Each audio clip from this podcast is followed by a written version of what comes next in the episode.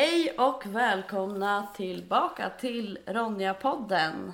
God morgon. Ja, nu är det morgon. Ja, jag är jävligt trött fast ändå väldigt taggad på det här avsnittet. Ja, det ska bli så himla roligt. För idag har vi med oss en gäst och det är inte vilken gäst som helst.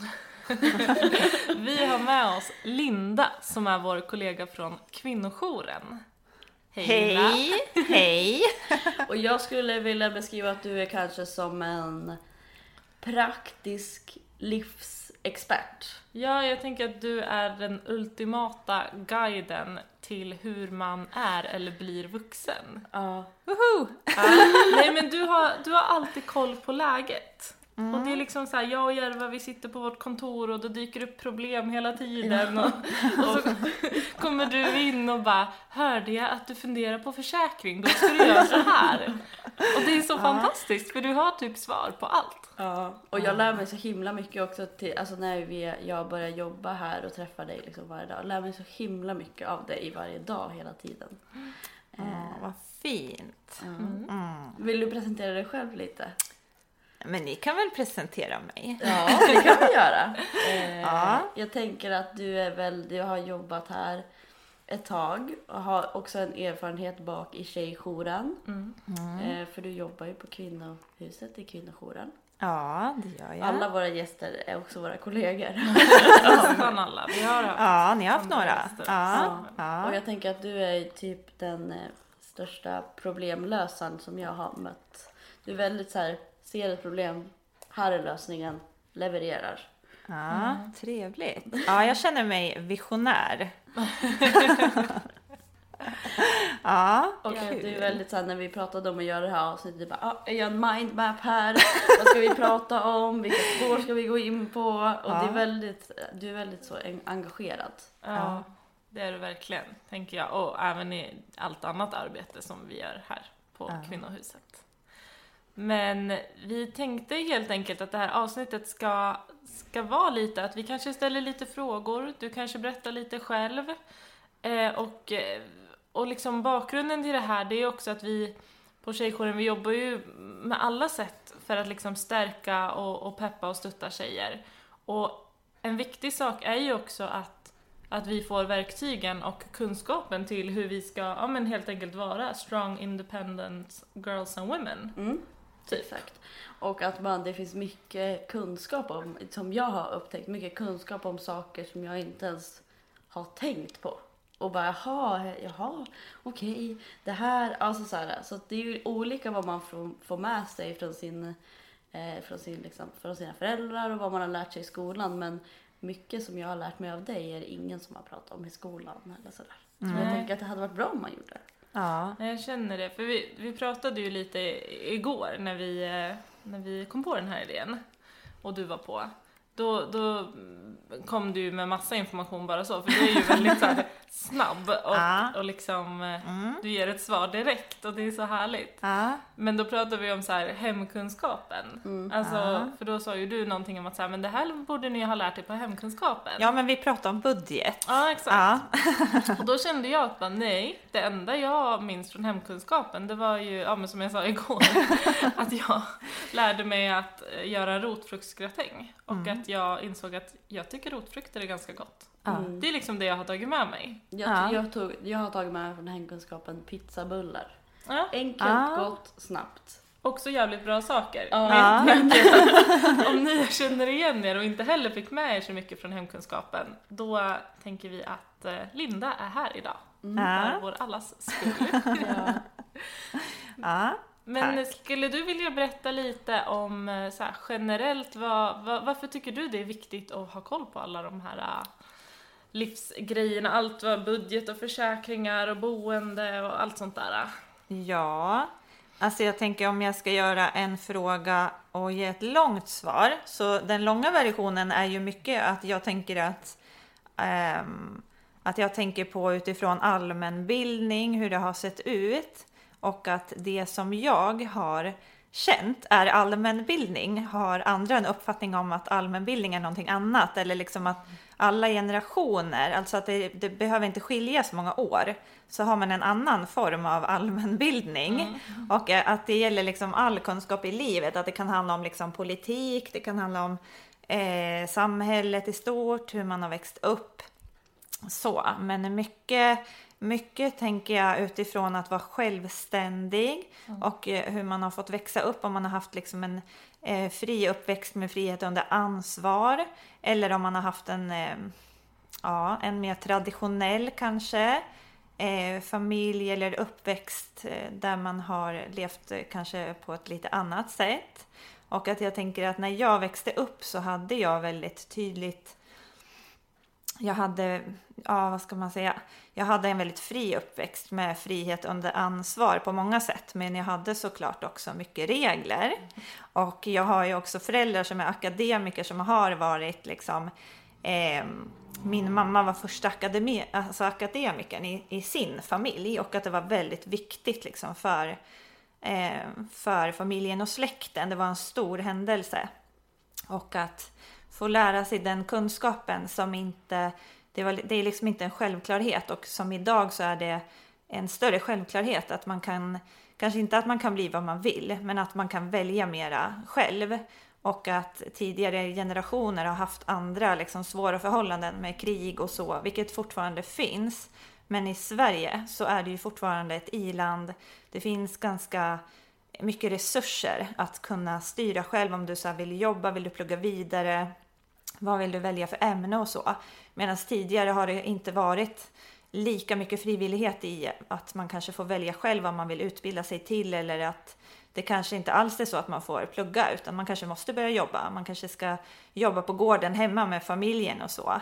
Eh, och i det så har det ju varit mycket att vi har pratat hemma, att jag har fått ganska mycket till mig hemifrån så om att det är viktigt att lära sig om ekonomi lära sig om budget, lära sig om liksom rättigheter och skyldigheter, att vara rättvis och att vara liksom, att göra rätt och riktigt och göra liksom rätt för sig i samhället. Ehm, att det är liksom en del av att växa upp och bli vuxen. Att förstå liksom hur, hur samhället fungerar. Att, eh, att eh, vad ska man säga, med åldern så kommer ju också mera ansvar och att det är viktigt att förstå det, att det inte kommer som en chock. Mm. Eh, och att det också har handlat mycket om ja, men så här hushållssysslor, alltså när jag var tonåring och så. Eh, och att få lära sig liksom de sakerna. Och tidigt så var det liksom kopplat till kanske veckopeng. Och det tänker jag så här, nu, jag känner mig så gammal. Mm. så när jag tänker tillbaka på när jag var barn, det känns jättelänge sedan. Och när jag jämför med kanske er, så är det liksom skillnader som händer såklart mm. i hur, hur man har gjort liksom under, under sin egen barndom.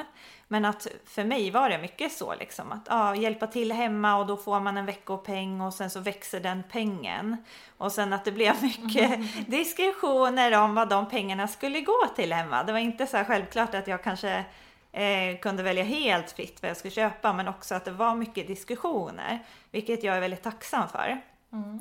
Och att det är viktigt att få känna liksom att det kan vara bra att, att diskutera fram saker och eh, analysera och fundera kring så här, ja men de här sakerna vill jag göra med mina pengar, men också kanske i ett långsiktigt perspektiv och när man tänker framåt att ha kontroll över sin ekonomi så handlar det också om att göra medvetna val. Och att det kan lika gärna handla om att så här, ja men nu vill jag köpa godis, okej, okay, ja, jo men det kanske man inte behöver reflektera över. Men det är fortfarande så här handla om i ett större perspektiv, typ så här, nu har jag de här pengarna, ska jag köpa upp allting på en gång? Så. Mm. Och att liksom när man blir äldre så kommer man ju ha att göra med mera pengar och att det är viktigt att lära sig att ta kontroll över sitt eget liv och sin ekonomi tidigt och att få liksom sunda värderingar och att lära sig om både sig själv, sitt eget köpbeteende och hur det funkar liksom i samhället där det är mycket så en köpkultur. Mm. Ehm, så, och sen är jag väldigt intresserad av det här. Ja.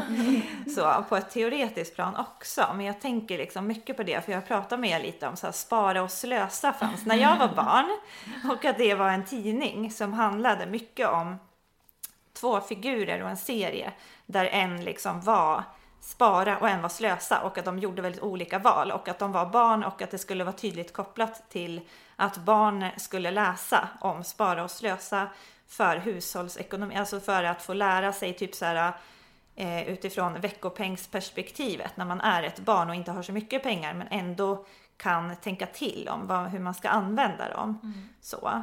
så det tänker jag lite och det var kanske så här halvkort fast lite lång. Jag vet inte, ni får säga stopp. Ja, men jag tänker också det är viktigt det du sa om att så här, kunskap, att det är någonting Alltså jag tänker att kunskap är makt och att om man ska välja saker och då måste man ju ha kunskap i varför man väljer det, på vilket sätt, vad det finns för andra valmöjligheter eh, och göra liksom aktivt val. Mm. Att så här, och jag gör inte bara så här för att alla andra gör så eller jag gör så här för att det finns ett syfte av att göra det. Mm. Eh, jag väljer att eh, spara för att ja, det finns ett syfte. Man kan ju spara överlag bara. Mm. Men eh, att det med kunskap, att den liksom grunden är ju viktig. Så att man inte bara går i, i samma spår som alla gör och inte reflekterar så mycket som jag kanske har gjort. Och bara, Åh, det här har jag aldrig diskuterat med mina kompisar om.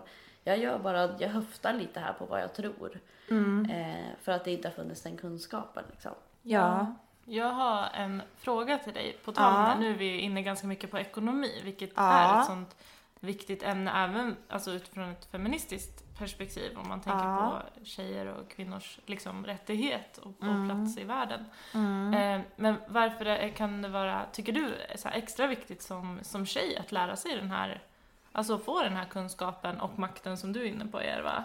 Mm. Jag tänker ju mycket att det är viktigt att förstå eh, att, att eh, det är liksom en stor grundläggande pelare liksom i livet att kunna vara självständig. Både att kunna vara en stark person, kunna ta egna beslut men också kunna känna att jag klarar av att, att leva och ta hand om mig själv och jag är inte beroende av någon annan. Att någon annan ska försörja mig eller ta hand om mig själv. Därför att när man är yngre och bor hemma, det är ju självklart att man liksom, ja, man bor ju hemma både för att man är ett barn kanske, men också att man behöver ju få lära sig liksom sakta men säkert så och ta hand om sig själv först på det planet och sen kunna tänka mera framåt kring ekonomin. Men jag tänker liksom att, att det är jätteviktigt att, att få känna det både utifrån ett maktperspektiv men hur man kan se att det blir mycket i samhället. Att det är många som, som lever i en tvåsamhet och jag problematiserar inte tvåsamhet i sig. Men jag tänker också att det är väldigt vanligt med singelhushåll. Det är väldigt många som lever ensamma. Det är väldigt många som eh, också lever eh, kanske ensamstående med barn och så vidare. Och att det är inte är omöjligt, det går. Men att det är också viktigt att vara eh, medveten om att, att kunna klara sig själv. Att det är liksom inte farligt, bara du vet hur du gör. Och då behöver du prova och testa dig fram liksom vad som funkar för dig. Mm. Ehm, och, och, det är jätteviktigt att få utgå ifrån sig själv hela tiden. Och tänka vad vill jag göra med mitt liv och inte behöva anpassa det efter någon annan på en gång.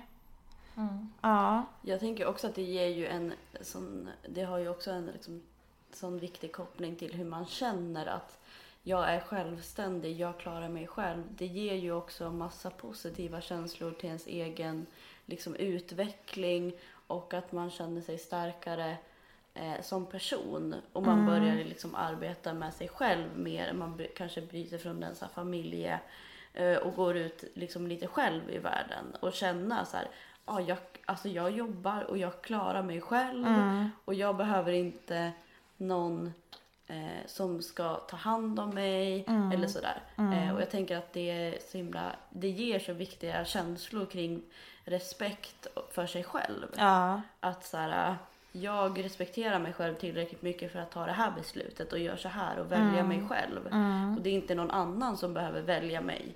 Utan mm. jag gör det för mig. Liksom. Mm. Ja, och det tänker jag mycket på tillbaka när jag var liksom tonåring och kände så här Ja men gud jag vill bara flytta hemifrån. Alltså det är så jobbigt när typ min mamma och pappa bestämmer saker över mig. Ehm, så att det kunde vara typ så ja ah, men du behöver vara hemma då eller du behöver göra dina läxor innan du gör det här eller du behöver typ städa ditt rum först. Och jag var så här, "Åh, alltså när jag flyttar hemifrån då kommer jag få bestämma själv hur jag ska leva. Och sen typ så flyttade jag ju hemifrån och kände verkligen en frihet över så här, ja jag har min egna boende. Men att då kommer ju typ allt det här också så här, jag bara, ja just det, det är bara jag som städar nu. Ja. Alltså så här, alla de grejerna. Ja, och att typ- det är liksom, det är en stor skillnad. Och då är det viktigt att få ha ändå, ha fått hjälpa till hemma och lära sig liksom så här, man, det är viktigt att få känna så också eh, och få se skillnaden och också få känna liksom att ja, men nu är det själv och jag kommer klara av det här liksom. Ehm, det, det var en stärkande känsla då för mig liksom att känna det. När jag flyttade hemifrån var den typ första chocken var så här, jag bara herregud vad ost är dyrt. Alltså jag hade ingen, alltså så här, jag hade liksom ingen, men jag var med mycket och handlade med mina föräldrar och sådär. Men speciellt osten, jag Ja. bara hur kan det vara så här dyrt Ja. med ost? Och jag bara har mina föräldrar, då började jag typ så här räkna, typ jag bara har mina föräldrar alltså köpt ost typ en gång i veckan minst. Ja. I liksom, jag bara, gud det är hur mycket pengar som helst bara på ost. Ja, Och sen då behöver man liksom börja prioritera i sig själv. Då finns inte kanske liksom hemma, när jag bodde hemma kanske det fanns skinka på morgonen och ost. ja, Och sen när jag flyttade hemifrån då fick man liksom välja. Vilken vill jag helst ha? Skinka eller ost? För att så här, och liksom så här, köpa toalettpapper och tvättmedel Ja. och alla sådana grejer som kanske man tar, eller jag gjorde, att jag tog lite för givet att det bara är där. Som att det liksom, man bor lite på hotell. Eller så här, det Mm. Ja. bara är där. Det är ingen som sätter så här, ja. ja, Jag skulle vilja eh, också det här, för du, ehm, du nämnde tvåsamhet, alltså att till Ja. exempel bo med någon och, och att vi pratar nu om att, så här, att det ehm, ja, men viktigt att kunna vara självständig och att det, det kan också så här, bidra till att man känner sig stärkt av att ha koll på läget och ja, liksom kunna försörja sig själv och allt sånt där. mm, Men för det är ju alltså många som bor med någon, antingen man är sambos eller Ja. gifta till och med så här att man är rumskompisar. mm, Ehm, och då, det kan, alltså så här, historiskt sett så har ju eh, kvinnor och tjejer inte jobbat lika mycket. Mm, Förut mm. kanske inte alls. Eh, och det har ju även funnits liksom bara så här, även nu vet jag, bland, alltså med mig och mina kompisar att det har alltid funnits så väldigt normaliserat att så här, men killen bjuder första dejten. mm, Eh, det är killen som ska uppvakta med gåvor och, och liksom Mm. presenter och blommor och allt sånt där, vilket är såklart så här, det är ju helt fantastiskt att bli uppvaktad. mm, Men att den idén är så stark även idag fastän de allra flesta kvinnor i Sverige jobbar Ja. och, och kan försörja sig själva. ja, Men, men liksom varför är det viktigt, eh, och liksom vad har du för tips om man, om man bor med någon? Om man Mm. känner ändå att men vi har en ganska jämställd relation, vi båda jobbar. mm. Ehm, vad, vad är ändå viktigt att tänka på att inte hamna i för fällor? Ja, alltså jag brukar ju generellt sett prata om kvinnofällor som handlar mycket om att kvinnor gör mycket obetalt arbete, vilket innebär det, det som är, görs hemma, som, som ingen får betalt för. Em, som, som många gånger tas för givet i relationer utifrån när jag pratar om min arbetsroll. Så, men också på ett, ett politiskt plan och när man tittar på statistik så kan man se världen över att eh, liksom kvinnor tar mer ansvar för det obetalda arbetet och då handlar det liksom både om så här, ja, men städa, diska men också att det kan handla om så här, ja, men vem planerar vad man ska äta? Alltså vem åker och handlar? Vem skriver de där listorna? Vem tänker ut? Alltså vem, vem gör alla de här tankeprocesserna som också kräver eh, tid i att tänka ut saker och ting? Eller så här, vad ska vi äta för mat idag? Alltså de grejerna. Ehm, en gång, det är ju okej, men alltså jag själv kan ju vara jättetrött på att tänka ut vad ska vi äta idag? Och jag, blir, jag kan bli jättearg på att få höra så här, vad ska vi äta idag? det är så här, ja det är jobbigt att tänka Ja. ut sådana saker speciellt om det ligger något slags liksom vad ska man säga, outdelat ansvar. Att någon annan har inte kanske sagt åt en att man ska bestämma det, men det har blivit en vana eller en ovana liksom. Eh, att man gör mera sådana saker hemma. Eh, och mycket handlar ju också om att kvinnor så här, generellt sett, liksom att det är en större del kvinnor som arbetar deltid eller är hemma och tar hand om barn, studerar en längre tid och kommer inte ut i arbete lika tidigt och så vidare. Så för mig så handlar det mycket om att, att få se sig själv och hitta sina resurser som person. Vem är jag? Vad tycker jag om? Hur vill jag leva mitt liv? Vad jag är intresserad av? Vad vill jag lägga mina pengar på?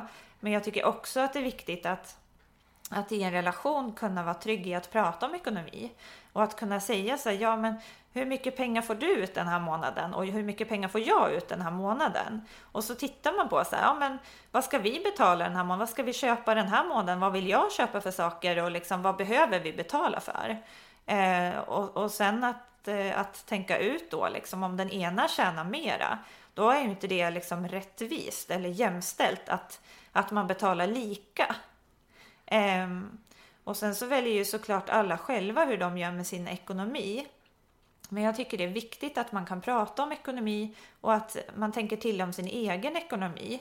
Och jag tycker att även om man är i en relation och planerar att vara i den så, så är det ändå viktigt att få ha ett eget sparande bara för sig själv. Även om det liksom inte är bestämt så här, ja men det ska gå till någonting som jag har planerat för. Ja men en, en resa eller vad det nu än handlar om. Utan jag tycker att det är viktigt att få planera bara utifrån sig själv. Även om man liksom ja, är i en relation med någon eller även om man har liksom barn tillsammans eller så. Så tänker jag att du är den viktigaste personen i ditt liv. Och om du inte tar hand om dig själv så kan du inte ta hand om någon annan heller. Och att det tänker jag ska följa med hela livet. Ja. Och jag tänker alltså de här eh, obetalda arbetstimmarna som kanske kvinnor gör mest hemma eller sådär. Att det också är något konstigt, typ att det är från eh, den tiden när det var mycket kvinnor som var hemma och var hemmafruar. Och då gjorde det liksom som det hemarbetet. Typ. Ja. Att det liksom ligger kvar. Den tanken eller den normen av att så här, nu ska vi också jobba typ heltid eller deltid Ja. och göra lika mycket som de, som, eller de kvinnorna som var hemmafruar och som jobbade som hemmafruar. Typ. Ja.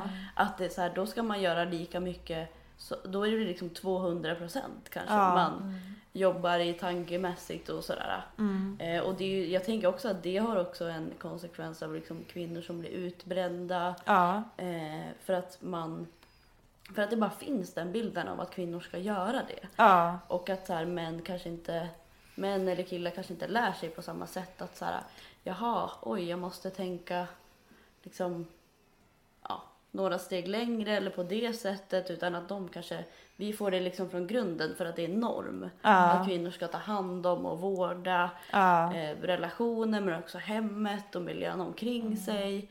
Och att det får vi eh, inom situationstecken liksom, inte naturligt men liksom ärvt. Ja. På något sätt. Mm. Jag tänker på en sak med det också. Eh, för när det blir också det här eh, generellt då, om, om tjejen eller kvinnan tar mer ansvar över hemmet. Ja. Om det är att, eh, att liksom allt från att städa till att inreda till att laga mat eller köpa hem såna här eh, förbrukningsgrejer, varor man har hemma. Mm. Då blir det också, för det är ju något som vi kan se ibland här, att att sådana här kostnader som man hela tiden förbrukar, alltså om man Ja. köper toapapper, om man köper mat, om man köper någon eh, ljusstake, alltså saker som egentligen inte är värt så mycket Ja. efter man har köpt det. Mm. Och det blir ju ofta den som tar ansvar över hemmet som också då passar på att på vägen hem från jobbet köpa med de här grejerna. Mm. Och så kanske man tänker, men, men min, min kille, han skjutsar ju mig i sin bil. Mm. Men då är det ju kanske också han som äger bilen. Så att gör man sen slut, Mm. då har då jag som tjej spenderat jättemycket pengar som vi båda två har, har liksom, ja, men, njutit av. Ja. Eh, men som jag inte får något tillbaka av sen. Men han tar ju med sin bil sen Ja. när han drar. Alltså, Ja. att det tänker jag är en väldigt vanlig fälla. Ja, det är det. Det är det. Och jag Mm. tänker att det finns ju båda liksom både åt det hållet att, att, eh, att många tjejer och kvinnor kan beskriva att antingen att de får stå för liksom så alla förbrukningsvaror eller en stor del av dem och ta ansvar för det.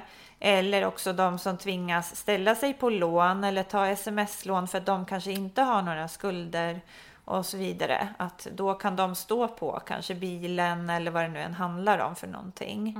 Em, och att det är ju också någonting som vi kan se att det är eh, många kvinnor och tjejer som drabbas av att de blir skuldsatta och då om de går ur den relationen så sitter de ju liksom fast.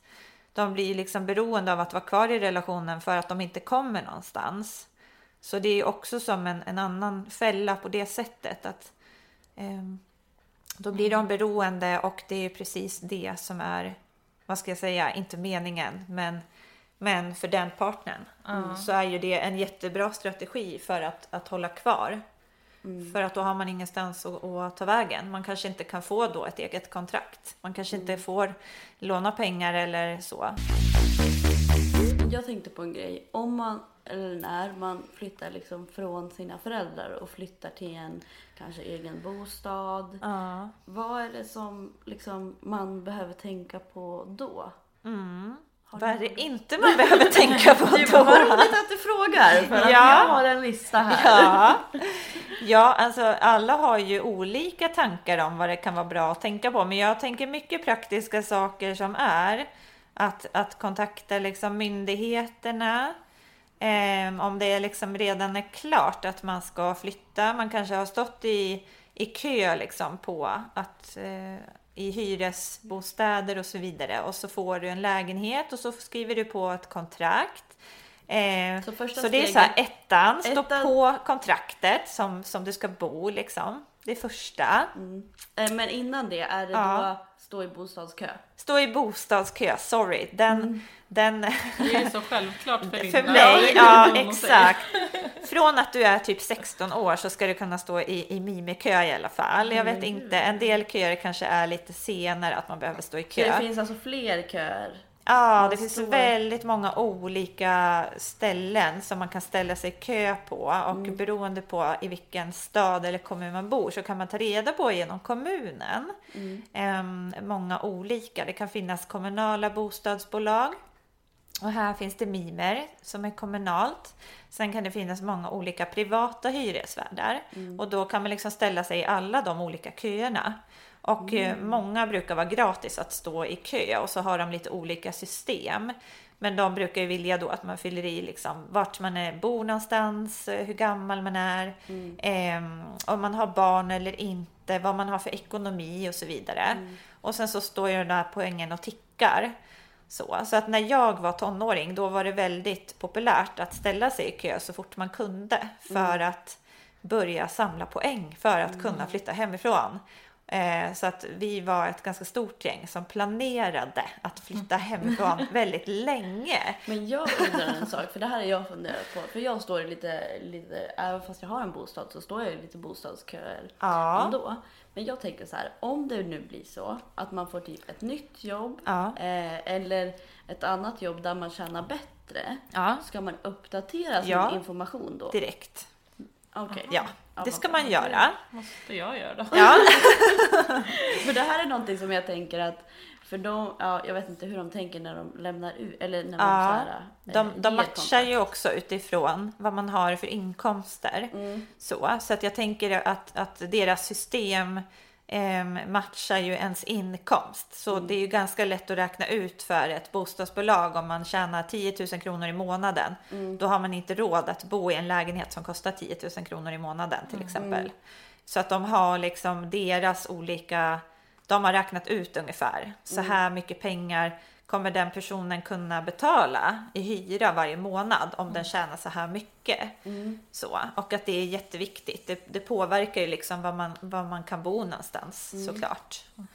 Ja, så att det är ju både det liksom och för ens egen skull. Att uppdatera hela tiden är jätteviktigt. Mm. Och sen när det står på kontraktet. Ja, sen, sen om du då får en lägenhet, ställer dig på kontraktet, då blir det ju många andra viktiga praktiska... Förlåt, nu avbryter jag. Men om man flyttar ihop med någon då? Ska Ja. båda stå på kontraktet då? Eller Det beror på kontraktets eh, utformning. Mhm. Ibland så kan det finnas en huvudsökande och en medsökande. På vissa kontrakt så skriver man båda namnen och en del har bara liksom att en ska stå på kontraktet och då får man höra med hyresvärden. Går det att ställa så att båda står på kontraktet? Mm.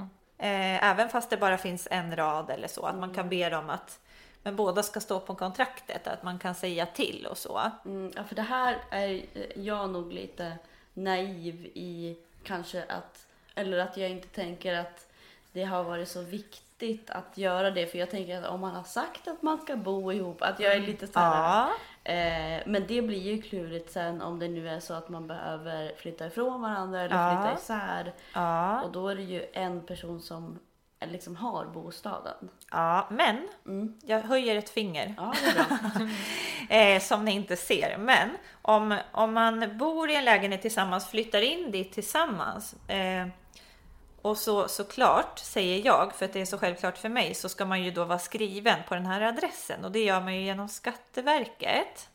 Eh, om man har bott tillsammans under en längre tid så finns det något som kallas för kvarsittningsrätt. Skriv upp det, det är jätteviktigt. Om man har bott tillsammans under en längre tid, två års tid och framåt, ehm, så har man liksom rätt till att vara i den lägenheten lika mycket som den andra personen, även om man inte står på kontraktet. Man kan inte tvinga ut en annan person och man kan hävda kvarsittningsrätten. Mm, det här är ju jätteviktigt att veta. Ja, det är jätteviktigt och det är många som inte känner till det. Jag hade ingen Ja, aning. och jag tror också att det är många, som du beskrev Eva, Mm. att du kan känna dig lite naiv. Att jag också kan eh, ha, ha lite samma tankar att så här, Ja. men om jag är tillsammans med min partner och vi har det så bra, Mm. eh, ja, han skulle aldrig kasta ut mig på Nej. gatan. Men sen vet man ju inte varför man eventuellt skulle göra slut. Nej. Eller också utifrån alltså, vårat liksom, våldsperspektiv Ja. så vet man ju inte heller vad en relation kan landa i. Nej, jag tänker att mycket kring laddade saker som kan vara laddade saker att prata om. En sak är ekonomi och grundläggande även i en relation. Att, att gå in i ett stadie där man kanske är kär, ska flytta, he- alltså så här, flytta hemifrån eller flytta ihop oavsett. Att det är väldigt mycket eh, spännande, det är nytt, det är roligt. Och det är precis i det stadiet som man ska ta upp det där tråkiga. Eh, jag kan dra parallellen till när man ska ha sex, det där tråkiga med att dra upp kondomen eller så här, vem är det som ska ta ansvar för den? Så, så är det också så här viktigt att i det skedet prata om så här, men hur ska vi göra med vår ekonomi när vi flyttar ihop? Alltså ska vi dela lika på allting och blir det rättvist för oss? Alltså så här, hur mycket pengar har vi i månaden? Ehm, jag slår ett slag för samboavtal för de som inte är gifta. Om man ska flytta ihop och vara sambos så kan man skriva ett samboavtal. Det kan man ta reda på, man kan googla samboavtal. Därför att det liksom stärker era rättigheter då som, som partners när de bor tillsammans. Eh, det har med det liksom mycket juridiska saker att göra och jag tänker att det är viktigt att veta vad man har för rättigheter.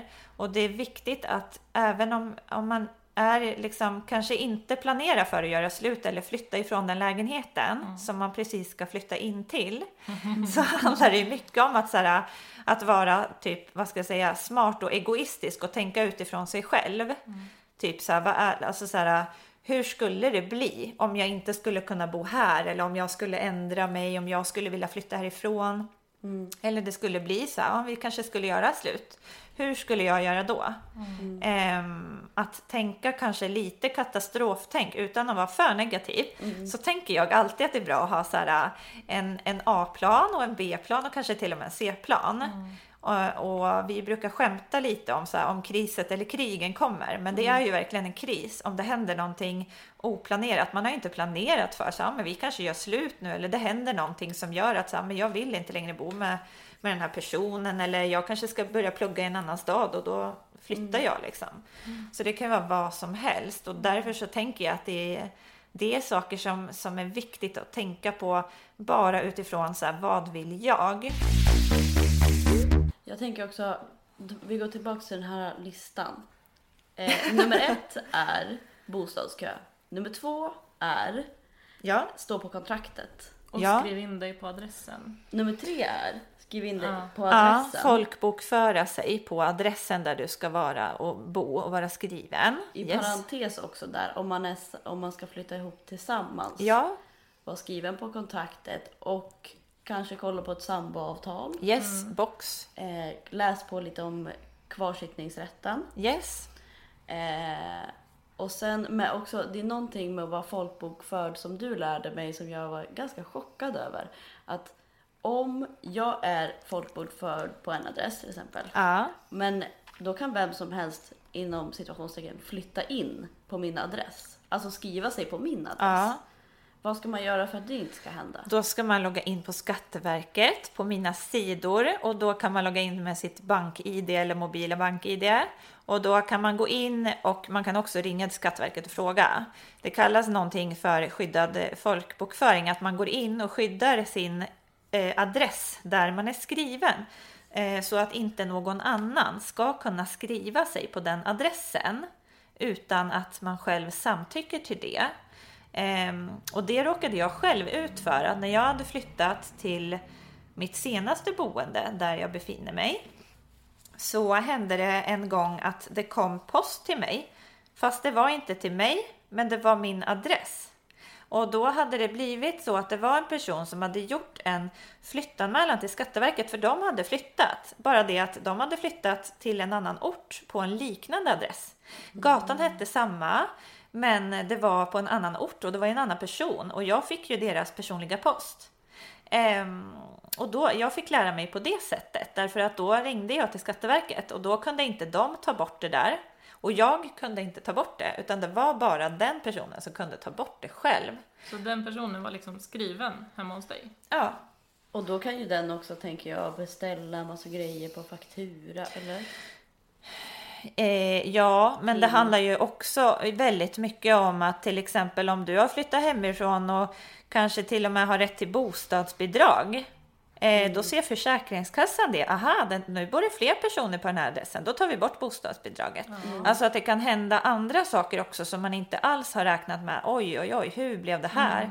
Eller om man till exempel lever under väldigt svåra, tuffa förhållanden ekonomiskt och kanske beroende av att ta hjälp av socialtjänsten med sin ekonomi så har man något som kallas för försörjningsstöd. Och då tittar ju de på vad man har för inkomst på de personerna som bor tillsammans. Och då är man också försörjningsskyldig mot den personen som man bor med. Så bor jag till exempel i en lägenhet och så skriver någon annan person in sig. Så blir ju den personen, alltså det blir som att det är två vuxna i ett hushåll som ska försörja varandra. Fast det där var ju inte en person som skulle vara skriven där. Och då kan det påverka rätten till att få hjälp med sin ekonomi.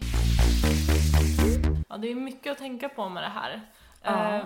Jag tänker nu, vi pratar jättemycket, men det är några fler saker vi Ja, skulle vilja hinna med. Så absolut. vi kanske kan göra en liten sån här quick, lite teman. Kör teman. Mm, som en lek. Ja, ja, kör en lek, en quiz. Men jag tänkte så här.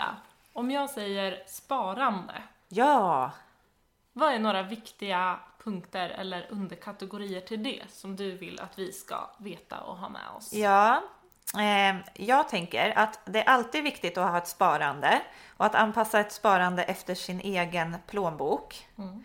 Eh, att hitta strategier för att ha ett privat sparande oavsett om, om du lever i en relation eller om du har familj och barn och så. Att det ska finnas ett specifikt konto avsatt enbart för dig.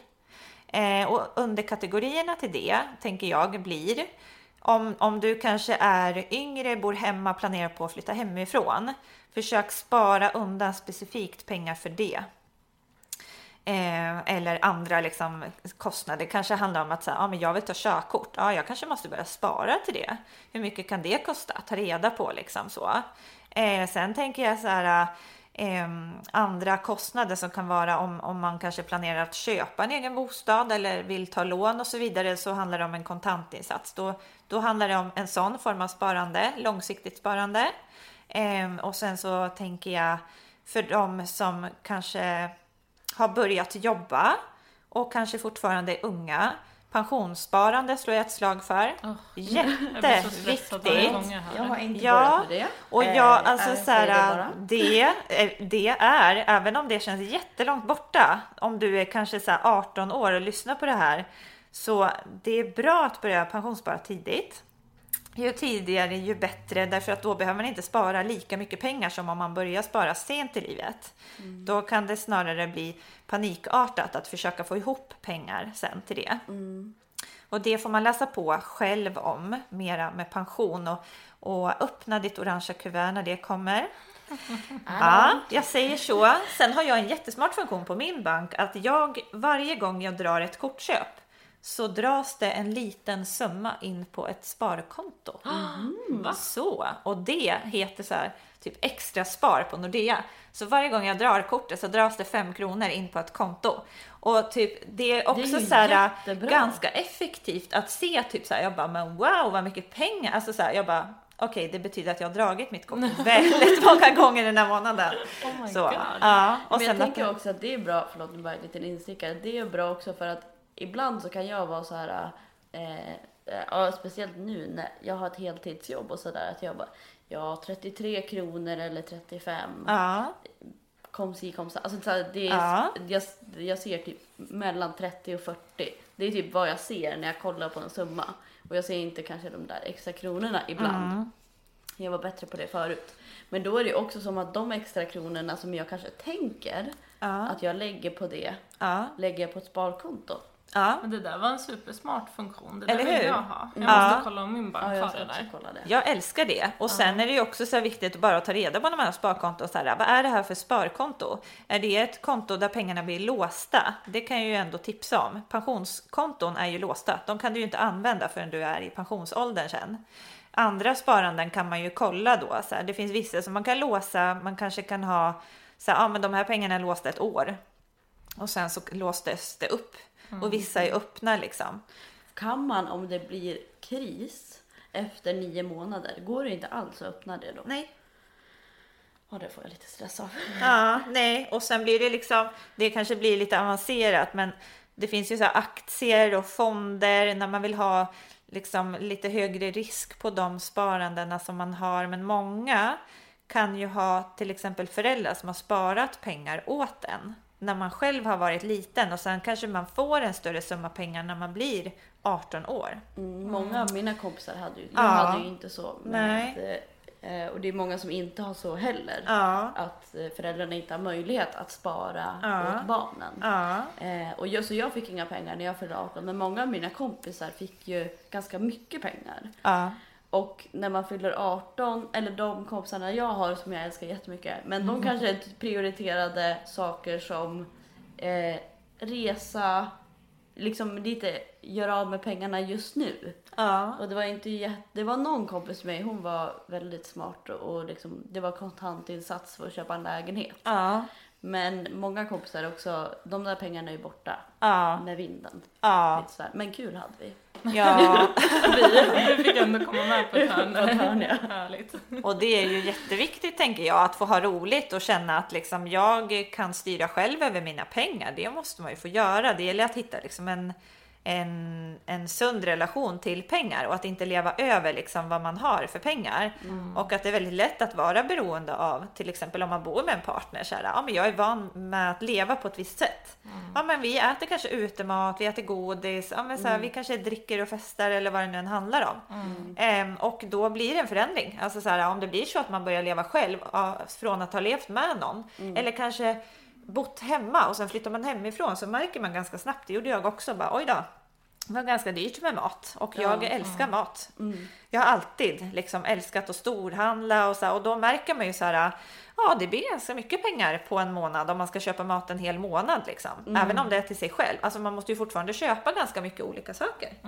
Ja, Men för att sammanfatta lite då. Att Ja. vare sig man bor själv eller med någon och kanske har barn ja, eh, eller inte så är det viktigt att ha ett sparande för sig själv. Yes. Och både för eh, kanske större så här, kostnader i framtiden som bostad eller bil eller körkort. ja, Men också kanske för saker man inte kan planera för. ja. Att bara ha en liten buffert. Oförutsedda avgifter.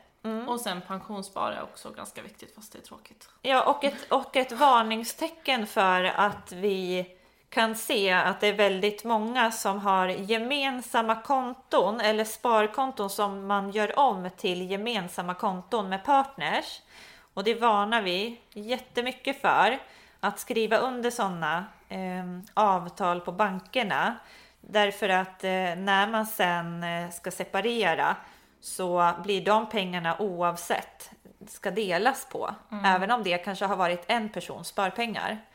Eh, och det är någonting som vi kan se att tjejer och kvinnor är, eh, blir utsatta för en form av ekonomiskt våld. Där de kanske har sparat under en längre tid och varit väldigt ekonomiska. Och, och har mycket pengar på banken och sen så går de och gör om det liksom på banken och skriver under att vi vill ha ett gemensamt konto som är låst som kräver att båda ska eh, skriva under sen att, att eh, man ska kunna använda de där pengarna. Så ser vi att då, eh, då förlorar man de pengarna. Men det är bra. Ja. Bra varning. Okej, jag tänker Ja. sista grejen. Yes. Sista temat Ja. i leken. Eh, försäkringar. Kan du Ja. bara lista några viktiga, Yay. ganska kortfattat, men det, som vi bara måste veta om? Hemförsäkring, Mm. livförsäkring. Oj, ja. Ja.